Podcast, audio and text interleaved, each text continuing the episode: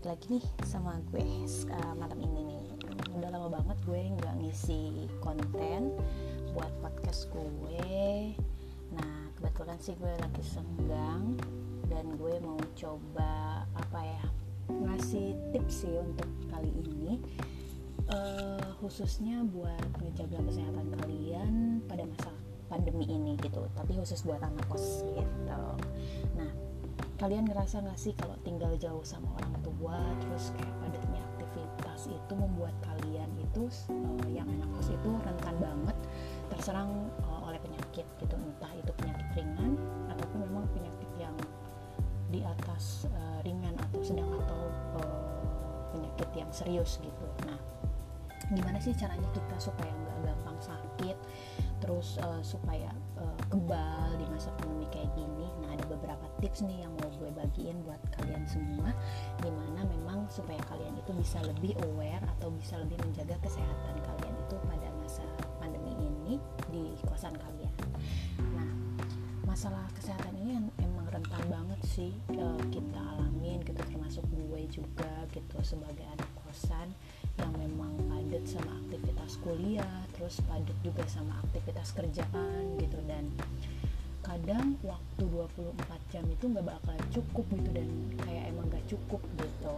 Nah pokoknya e, intinya sih kalian harus jaga pola makan atau jangan terlalu banyak begadang kayak gitu. Nah apa aja sih tips-tipsnya gitu kak?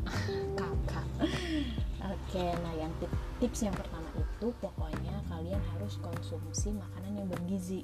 Nah menurut alo dokter yang salah satu uh, artikel yang gue baca itu mengkonsumsi makanan bergizi yang memang membuat badan lo-lo itu atau kalian semua itu menjadi fit dan bertenaga gitu. Dan ini yang bisa menyebabkan nggak mudah terserang penyakit kayak gitu.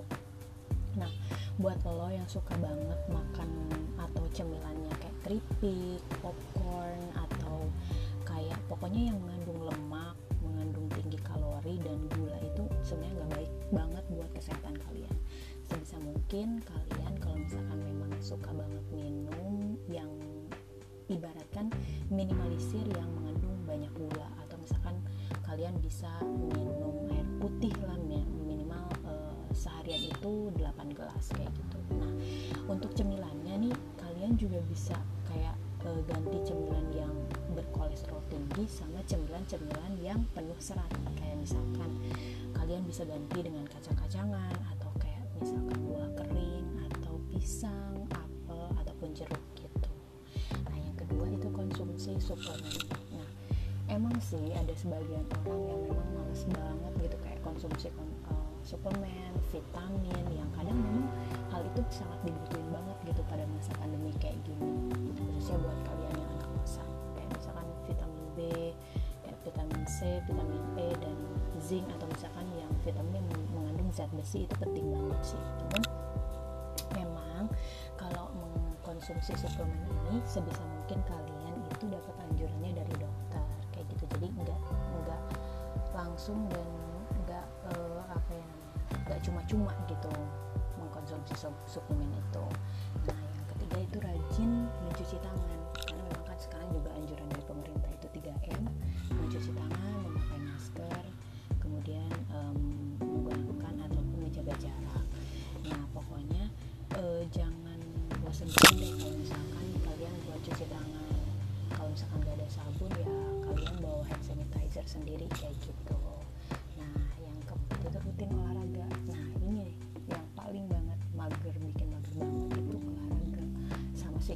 halnya kayak kalau olahraga kalau misalkan lagi senggang aja atau misalkan seminggu sekali gitu. Padahal sebenarnya kalau misalkan lo mau dan lo mau ngepush diri lo gitu lo bisa sih olahraga 30 menit gitu setiap hari dalam satu minggu. Selain itu bisa membuat badan lo ideal misalkan kayak lo mau diet kayak gitu itu lo bisa meningkatkan kesehatan lo sih. Karena memang uh, apa ya kinerja otot lo lebih bekerja kemudian endorfin ataupun hormon kebahagiaan kan satu hormon kebahagiaan. Kemudian juga menguatkan sel tulang kalian yang bisa membuat aktivitas kalian lebih kuat gitu dan tahan.